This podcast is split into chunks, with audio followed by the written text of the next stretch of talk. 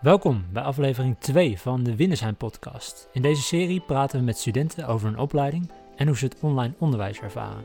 Mijn naam is Dennis de Bruin. Ik werk op de marketingafdeling van Winnersheim. En in deze tweede aflevering staat de opleiding Communicatie centraal. We hebben het onder andere over lessen op de campus, minors en de toekomstdromen van... Ja, ik ben uh, Suzanne, Suzanne Kruiswijk. Ik ben 18 jaar nu, ik woon in Steenwijk. Uh, en ik studeer communicatie op het Windersheim. En ik zit nu uh, in het tweede deel van mijn tweede jaar. Hey, en hoe ben je bij Windersheim terechtgekomen? Nou, ik heb eerst gestudeerd op een andere hogeschool. Ook een uh, andere studie. En was ik toch niet helemaal tevreden over hoe goed ik ondersteund werd. Elke keer als ik een vraag had, dan was het heel moeilijk om daar een antwoord op te krijgen. Dus toen ben ik eigenlijk op zoek gegaan naar een andere hogeschool. Waar ik wel die hulp kon krijgen. Uh, en Windersheim was echt vanaf dag één. Kreeg ik meteen heldere antwoorden. Kreeg ik meteen connecties met mensen die mij konden helpen. En toen dacht ik, ja, nou, hier wil ik wel studeren. En waarom uh, communicatie? Ja, ik ben eigenlijk vanaf het begin al uh, een storyteller geweest. met theater en dat soort dingen. En dan is het eigenlijk logisch om journalistiek te gaan doen. Maar ik was eigenlijk op de middelbare school wel geïnteresseerd geraakt ook in het bedrijfsleven. En een beetje meer de economische kant. En vooral reclame, marketing. Dus toen ja, zocht ik eigenlijk iets waarin ik al die interesses kwijt kon. En dat is dan communicatie. Dat is ontzettend breed. Nou ja, je hebt dus nu bijna je eerste jaar erop zitten. Hoe kijk je daarop terug?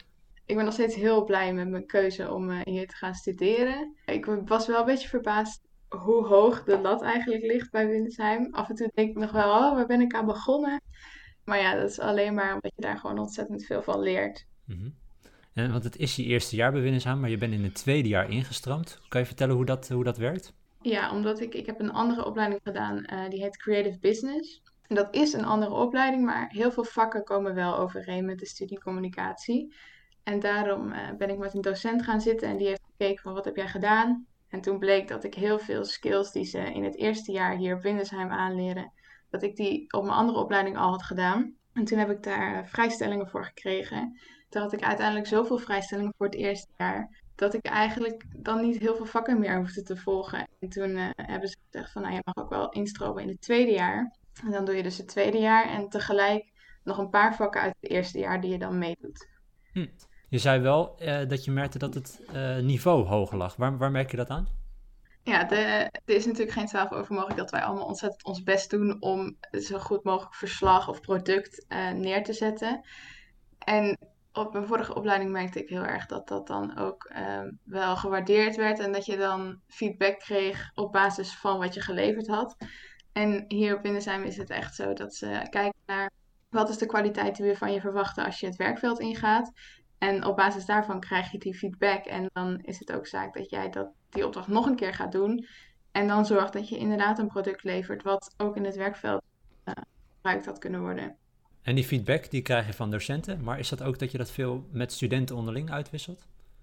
Uh, ja, eigenlijk is dat uh, niet heel erg gereguleerd met studenten onderling, maar eigenlijk kan je niet zonder. Dus iedereen doet dat gewoon zodra je iets maakt, dan zoek je iemand die daar goed in is binnen je groep. En uh, je zorgt dat die dan daarna gaat kijken voordat je het naar een docent stuurt. En daarna krijg je inderdaad uh, feedback van een docent. Maar dan heb je er inderdaad al twee keer naar gekeken. Want je hebt het dus ook over nou ja, dat, je, dat je dan een beetje zoekt naar mensen die bijvoorbeeld ergens goed in zijn. Dat komt ook dat je binnen de communicatie denk ik heel veel verschillende vakgebieden hebt. Wat spreekt jou het meest aan binnen communicatie? Ja, ik ben wel echt richting de reclamecampagnes, de creatieve kant, zeg maar. Zodra er een onderzoek gedaan moet worden, moet je mij niet vragen. Uh, en ook mijn Nederlands is niet heel goed. Dus ook het copywriting deel is niet helemaal mijn ding. Maar zodra er een, een post ontwikkeld moet worden of iets met kleur gedaan moet worden, dan, uh, dan word ik meestal gevraagd. En je zit dus nu in jaar 2. Wat doe je op dit moment zoal in het tweede gedeelte van het tweede jaar? Ik ben module 5 gaan doen. En ik had ook op stage gekund als ik dat uh, had gewild. Dus sommige van mijn jaargenoten zitten nu op stage en ik doe deze module. En ik ben nu bezig voor echte opdrachtgevers. Dus um, die hebben we ook zelf geworven aan het begin. Um, we hebben op LinkedIn berichtjes uitgezet van joh, wie kunnen wij helpen in het werkveld. Uh, en daar hebben we een aantal super toffe opdrachten uitgekregen. Uh, wat doe ik zo al? Voor mijn gevoel zit ik vooral heel veel te communiceren met werkgevers dan nu. Dus alle opdrachten regelen we zelf. Dus uh, alle communicatie met de werkgever is ook jouw taak. En daarnaast zijn we druk met producten die we dan afleveren voor die werkgevers. En dat gaat over uh, onderzoeken naar de communicatie die ze nu hebben. Het opzetten van een draaiboek voor een evenement. Eigenlijk ligt dat ontzettend ver uit elkaar. Maar ja, het hoort allemaal bij communicatie. Dus dat is wel heel uh, divers waar we nu allemaal mee bezig zijn. En je zei van, nou, ik had ook kunnen kiezen voor een stage. Dat is, was dus niet verplicht. Hoe, hoe zit dat dan precies? Nee, uh, ja, je kunt uh, in dat tweede deel kiezen voor je stage als je je propeduizen al hebt gehaald. Nou heb ik dat, ik heb dus wel een propeduizen, maar niet die van communicatie. Dus was het nog even spannend of ik überhaupt al op stage mocht. Uiteindelijk heb ik gewoon gekozen om dat hele proces niet uh, te gaan doen. En als je je propeduizen dus nog niet hebt gehaald, ga je deze M5 doen. Dat is gewoon op school nog uh, in een veilige omgeving met uh, docenten die je supporten van alle kanten. Uh, en dan kan je in je derde jaar op stage. Dus jij gaat volgend jaar dan alsnog op stage? Ja, en mijn leeftijdsgenoten komen dan naar M5. Ja, precies. En de mensen die dan er wel voor kiezen, hè, dus die de mogelijkheid hebben ook in het tweede jaar al stage te lopen, die kunnen dus gedurende de opleiding twee keer stage lopen en jij dus maar één keer? nee, ik doe ook twee keer stage. Alleen um, gebeurt dat dan in mijn derde en mijn vierde jaar. En deze mensen die nu op stage zijn geweest, gaan volgend jaar hun minor doen en M5. En M5, dat staat dan dus voor? Module 5. Ja, en module 5 dat is eigenlijk gewoon een, een, een half jaar, een blok van een half jaar binnen de opleiding. Hè? Zo kunnen we het wel uitleggen.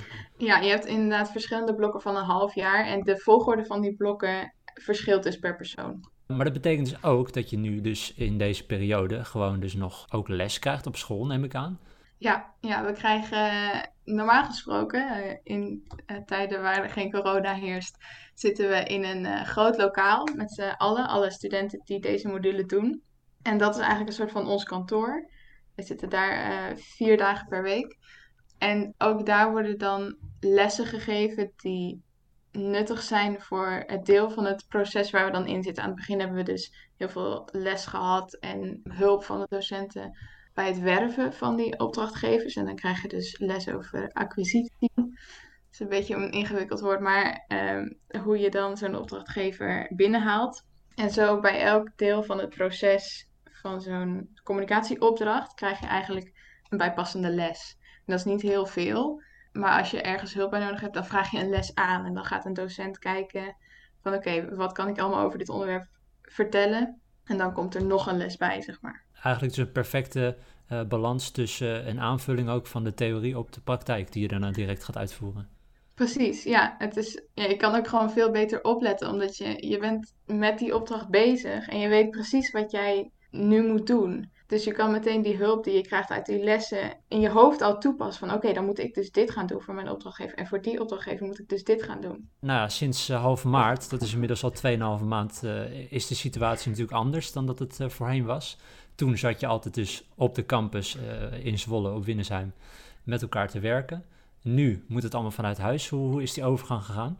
Ja, het was wel heel onverwachts of zo voor ons ook. Uh, wij waren net een beetje gezetteld bij die, uh, op dat kantoor en we hadden onze theemokken meegenomen. Alles stond klaar.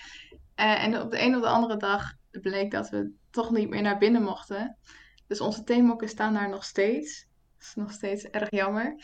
Maar die overgang qua lessen was ook wel even ingewikkeld. Omdat alle docenten zijn, omdat we zoveel in de praktijk bezig zijn, zijn ze tijdens de lessen ook heel erg gefocust op die praktijk. En ja, dat komt ook omdat ze dan vragen aan je stellen. En dat is veel moeilijker uh, om dat online goed te regelen. Dus aan het begin was dat wat lastig, maar eigenlijk hebben de docenten dat ontzettend snel opgepakt. En binnen een week, anderhalve week, ja, kregen we gewoon alle geplande lessen online. En ze hebben toen extra consulten ingeroosterd. En dat is dan uh, een uur of twee uur, anderhalf uur, dat een docent online op Teams klaar staat voor wat je ook nodig hebt. Dus dat was voor ons heel fijn, dat als je echt ergens mee zat, normaal gesproken spreek je dan gewoon een docent aan in de wandelgangen of op kantoor. En nu waren zij dan online, dat anderhalf uur voor ons, konden we alles vragen. Want je zegt van nou, dat dat contact juist met de docenten was heel erg belangrijk. Is dat dan nu dus wel op een zo'n manier ingericht dat je er dezelfde waarde aan hebt als dat dat voorheen zo was? Uh, nou, wat uh, meisje in de vorige podcast ook zei, was dat er als je op school bent, toch wel een beetje meer gezelligheid is met de docenten. En wij hebben best wel een grote groep. Dat is online gewoon heel moeilijk om uh, te doen met zoveel mensen. Dus dat mis ik wel, een beetje die gezellige momentjes met de docenten. Maar voor de rest, inhoudelijk, ja, is alles gewoon goed geregeld nu. Nou, dat is uiteindelijk ook hè, voor, voor, voor je studie het belangrijkste. Maar die gezelligheid, dat mis je dus wel. Ja. Want je zegt, je zit in een grote groep. Kan je aangeven hoe groot de groep is? Ik denk, maar ik weet niet zeker dat we zeven groepjes hebben. In elk groepje zitten ongeveer tien mensen. Dus ja, 70 uh, eh, mensen. Oké, en die worden begeleid door hoeveel docenten? We hebben nu een docententeam van vier mensen. Maar dan zitten er ook nog voor verschillende vakken nog wel andere docenten bij die wat meer expertise hebben in één bepaald uh, vak. En dan in deze groep zit dan ook jouw SLB'er, je studieloopbaanbegeleider? Uh, nee, nee, die is verder niet in M5 actief. Oké, maar daar heb je nog wel regelmatig contact mee? Uh, ja, dat is sowieso eigenlijk altijd al via de mail. We hebben niet heel veel persoonlijk contact, alleen als je dat zelf aanvraagt. Dus eigenlijk is dat niet eens zo heel veel veranderd nu. En dat, vind je dat vervelend, dat je niet ook nog vaker contact dan met, met haar hebt? Uh, nee, ik heb daar zelf niet heel veel last van, omdat we in deze module die ik nu doe een coach hebben aangewezen gekregen aan het begin van deze module. En um, ja, die is gewoon ontzettend goed op de hoogte van wie ik ben uh, en, en wat ik wil. En die is ook bij alle workshops en zo, dus die weet eigenlijk wel heel goed wie iedereen is dus zo'n SB'er heb je dan iets minder nodig, omdat je gewoon docenten om je heen hebt die jij ook kennen. En zo'n coach, wat, wat voegt hij toe aan jou? Nou, eigenlijk is dat je eerste aanspreekpunt. Dat is gewoon prettig om één iemand te hebben zodra er iets misgaat, dat je die, uh, nou in dit geval nu kunt bellen of op school, dan uh, kun je die uitnodigen aan je kantoortafel, zeg maar. En dan uh, kan die gewoon even meekijken met wat er gebeurt. Je hoeft niet eens per se een vraag te hebben, maar ja, hij is gewoon degene die ons in elke stap coacht. En uh, we hebben af en toe een gesprekje waarin hij dan vraagt van, joh, wat gaat er nu niet zo lekker als dat je zou willen? En dan kan hij daar uh, tips over geven. Als je het hebt over het verschil tussen hoe het voorheen was en hoe het nu is, wat zijn de grote, grootste verschillen tussen op de campus studeren en thuis studeren? Ja, je bent heel erg verantwoordelijk voor je eigen tijd. Op school uh, ja, zit je dus in een groepje en je checkt toch een beetje wat iedereen al aan het doen is. En uh, dat is online gewoon wat moeilijker. Dus uh, aan het begin dacht ik wel van, oh ja, als ik nou niks doe, is er helemaal niemand die dat ziet. Dus het grootste verschil is dat je je eigen tijd moet indelen en ook moet bewaken. Op een gegeven moment was ik ook s'avonds nog aan het werken en toen dacht ik, oh nee, dat is eigenlijk, hoeft dat helemaal niet. Dus ja, dat is het, het, allergrootste verschil, denk ik, is dat je je eigen tijd uh, moet indelen. En uiteindelijk is dat voor mij heel positief. En waarom is dat positief? Omdat ik nu wel veel meer vrijheid heb om ook um, bijvoorbeeld tijdens de lunch eventjes lekker te gaan wandelen. Terwijl uh, ja, op school doe je dat gewoon niet. En ook als je bijvoorbeeld s ochtends vroeg een les hebt. Ik ben niet echt een ochtendpersoon, dus s ochtends is mijn brein nog niet helemaal wakker. En als je dan een les hebt op school, dan is de les voorbij. En dan denk je, oh nee, ik heb, ik heb stukken gemist. Eh, bij dat stuk was ik er niet echt bij. En nu, online, eh, denk ik van, oh, nou dan ga ik vanmiddag of aan het eind van de middag, als ik wel uh, me goed kan concentreren, die les nog eens terugkijken. En rustig al die stukjes nog een keer herhalen. En voor mij is dat ideaal. Ja, want dat is wel interessant wat je zegt. Want je hoeft dus niet per se uh, op een bepaald moment uh, een les te volgen. Je kan dus ook gewoon terugkijken. Hoe, hoe werkt dat dan? Ja, het is eigenlijk wel de bedoeling dat je bij elke les er gewoon bij bent. Vooral omdat je ook in die les je vragen kan stellen. En uh, achteraf is dat wat lastiger. En meestal doe ik dat ook, ben ik er gewoon bij. En dan wordt het opgeslagen in de Teams. We werken met Microsoft Teams. En daar wordt die les dan opgeslagen. Dus ook later kunnen de mensen die hem gemist hebben, kunnen het terugkijken. Maar ook ik kan dat terugkijken, terwijl ik er wel bij ben geweest. En uh, ja, dan kun je doorspoelen naar de stukjes die je nog niet zo goed begreep. En dat soort dingen. Dus dat is inderdaad echt een voordeel. Ja, want dat kon in het verleden natuurlijk niet. Nee, dan zat ik, uh, moest ik in mijn groepje gaan navragen van... oh, dat deel, uh, wat heb jij daarover opgeschreven? Want dat heb ik een beetje gemist. Ja, dat hoeft nu niet meer. Nee, misschien is dat ook wel iets voor de toekomst, hè? Om, uh, om vast te blijven houden, ook als we weer gewoon op de campus les kunnen, kunnen gaan geven. Ja, zeker. Ik zou dat uh, voor iedereen is dat handig, ook als je inderdaad uh, op de campus bent. Nou, we hebben het ook al eventjes nu over de campus, de campus van, van Winnesheim in Zwolle. Daar heb je een, een, een, best wel een aantal maanden rondgelopen. Kan je vertellen hoe dat is op zo'n grote campus? Want ik kan me voorstellen dat als je daar voor het eerst komt, dat het toch ook wel heel groot en intimiderend misschien overkomt. Ja, ja ik vond het inderdaad echt enorm. En al die gebouwen, en het heeft allemaal een andere naam en nummer en letter. ja, ik vond het aan het begin inderdaad heel ingewikkeld. Maar mijn opleidingsgenootjes die zeiden al heel snel: nee, je moet gewoon het X-gebouw goed onthouden. En dat is het gebouw waarin de studie communicatie zit. En eigenlijk heeft elke studie zo zijn eigen gebouw waar je bijna altijd zit. Dus dat maakte het meteen al wat minder intimiderend voor mij. Dat ik dacht: oké, de rest van de gebouwen hoef ik dan ook niet helemaal van binnen en buiten te kennen. En het X-gebouw is echt een beetje het uh, thuisgebouw of zo voor ons. Ja, voel je er ook echt thuis? Ja, ja, dan loop je dan elke ochtend naar binnen. Ja, ik voel me daar dan wel thuis. Dus het is, het is een grote campus, maar je zegt van nou, eigenlijk zitten we vooral veel op dezelfde locatie, waardoor het helemaal niet meer zo groot aanvoelt. Ja, precies. En ook alle docenten zitten daar. Dus uh, ja, die kom je dan ook gewoon elke keer in dat gebouw tegen. Die ken je allemaal. Uh, dus dat maakt wel dat het, dat het wat kleiner aanvoelt dan het in werkelijkheid is. Wat mis je nu je geen les meer hebt op de campus? Ja, de gezelligheid. Ik mis mijn groepje. We hadden natuurlijk net uh, een paar weken om elkaar echt te leren kennen. En ja, ik had het me heel gezellig geleken om nog met hun verder te gaan. Uh, maar ook via Teams is het wel uh, erg gezellig. Maar de docenten en mijn groepje mis ik het allermeest. Ja, dat kan me, dat kan me goed voorstellen. Zijn er ook goede vriendschappen ontstaan de afgelopen, afgelopen maanden? Ja, het is wel bijzonder. Omdat je dus zoveel in je groepje bezig bent leer je elkaar wel goed kennen. Ook de minder goede punten en de goede punten van elkaar. En dat is toch wel een bijzondere relatie die je dan met elkaar hebt. Ja, ook doordat je natuurlijk heel veel samenwerkt met elkaar. Precies, en je, het is niet zo dat je elkaar altijd uh, te vriend kunt houden per se. Want ja, je, er moeten gewoon dingen gemaakt worden. Je bent echt hard aan het werk. Uh, maar eigenlijk vind ik dat juist wel leuk om mensen zo goed te leren kennen. Ik hoor je zeggen dat het ook online gezellig is met studiegenoten. Hoe zorg je daarvoor dat het uh, gezellig is online? Ja, wij hebben ook gewoon inderdaad afspraken dat we met het groepje bij elkaar komen voor een teamsgesprek. Meestal hebben we daar niet eens een agenda voor of zo. En dan gaan we gewoon even rond met, joh, hoe gaat het met jou? Hoe gaat het met jou? Waar loop jij tegenaan? En op basis daarvan worden dat altijd wel gewoon hele gezellige gesprekjes. En dan hoor je wel een beetje hoe het met iedereen gaat. En uh, ja, waar zij mee bezig zijn. Ook niet alleen met school, maar ook in deze crisis natuurlijk. Uh, iedereen pakt dat anders aan. En het is gewoon wel heel gezellig om met elkaar te hebben over hoe zij zorgen dat ze nog een beetje lol hebben ook. En de opleiding communicatie, die, die staat ook wel bekend als een opleiding waar vooral heel veel dames op zitten. Hoe is dat, uh, hoe is dat in Zwolle? Ja, het, is, het grootste deel is wel uh, vrouwen inderdaad. Ik had uh, vorige module wel een groepje die was ontzettend gemixt. dus daar hadden we en jongens en meiden. Dus dat kan zeker. Alleen ik zit nu wel in een groepje met alleen maar meiden, inderdaad. En hoe, hoe is dat met alleen maar vrouwen? Ja, ik heb er uh, geen last van. Ik vind het hartstikke gezellig. Maar ik zie wel dat de meiden vaak uh, meer de creatieve kant op gaan. En de jongens dan ook wel uh, heel erg in het bedrijfsleven zitten. Dus dat, de vorige module zag ik dat wel echt. En ook van hun, van de jongens, de vorige module kon ik ontzettend veel leren.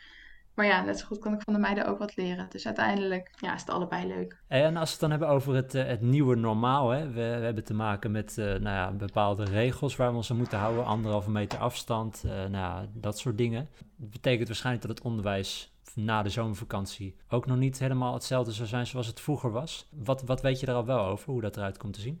Ja, ik weet dus nu iets over M5, wat ik nu aan het doen ben. Dat gaan ze volgend jaar 20% op de campus aanbieden en dan 80% vanuit huis. Uh, en wij zijn daar ook wel bij betrokken. Ze vragen ons nu ook de hele tijd van oh, wat vind je fijn aan het online onderwijs nu en wat niet, zodat ze dat voor de volgende keer kunnen veranderen. Maar die 20% op school zijn dan inderdaad de workshops en de, de coaching sessies die je hebt. Wat eigenlijk gewoon echt het beste is als je er gewoon met z'n allen voor kan gaan zitten. En die 80% thuis, ja, dat lijkt me prima te doen. Dat wij natuurlijk nu 100% thuis doen en dat gaat ook eigenlijk wel goed. Uh, dus dat is het plan voor volgend jaar nu. Je gaat dus volgend schooljaar stage lopen. Is het al gelijk aan het begin van het nieuwe schooljaar?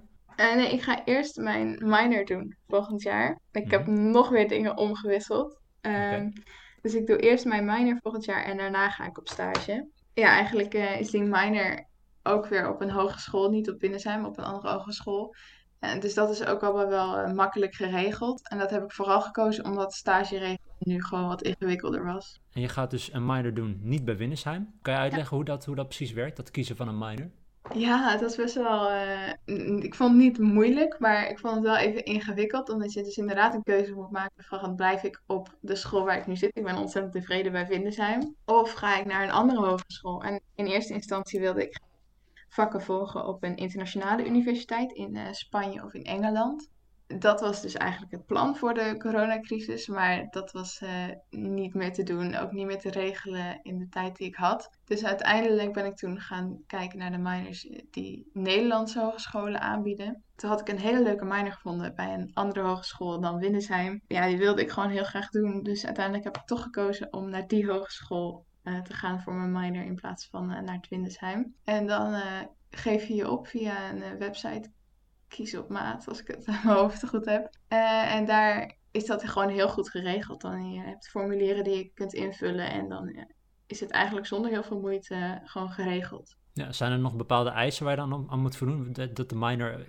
iets met communicatie te maken moet hebben? Of, of hoe, hoe zit dat precies? Ja, dat, uh, je vraagt dan aan de examencommissie. Stuur je een e-mail waarin je vraagt of zij willen kijken naar die minor. En willen kijken of dat een minor is die in jouw opleiding past. Dat is nou niet per se dat het echt iets te maken moet hebben met communicatie. Want eigenlijk heeft alles wel een klein beetje te maken met communicatie. Um, maar het moet vooral niet overeenkomen met wat je al op het Windersheim hebt geleerd. Het is niet de bedoeling dat wat je net in het eerste jaar op Windersheim hebt geleerd, dat je dat bij een andere hogeschool weer gaat doen. Dat moet echt iets nieuws zijn. En, en wat ga je precies doen in die minor?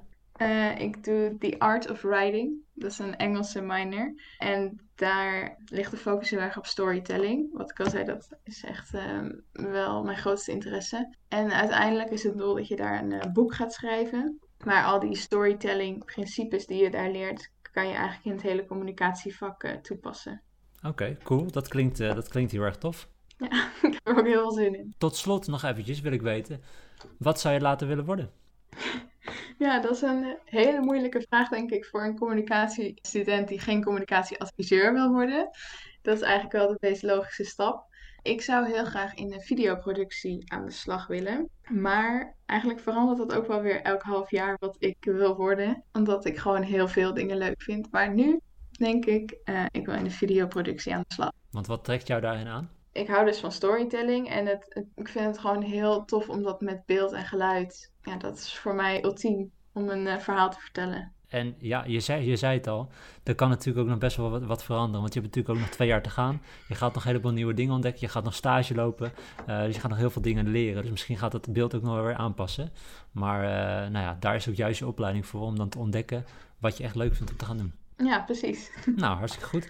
Uh, volgens mij hebben we een heleboel dingen besproken. Uh, en hebben we ook heel veel, heb je heel veel leuke dingen verteld. Dus dank daarvoor. Ik hoop dat je het zelf ook leuk vond om te doen. Ja, tof. Ik heb altijd al uh, willen kijken hoe zo'n podcast opgenomen wordt. Dus. nou, wat goed. Uh, dankjewel en uh, succes met het afronden van het schooljaar. Ja, dankjewel. In de volgende aflevering praten we met verpleegkundestudenten Bas en Carlin. Hoe is het voor hen om in deze periode stage te lopen of een minor te volgen? En tot slot, volg Hogeschool Winnesheim op je favoriete podcastplatform, want er komen meer toffe podcasts aan. Ik zou zeggen, tot de volgende keer.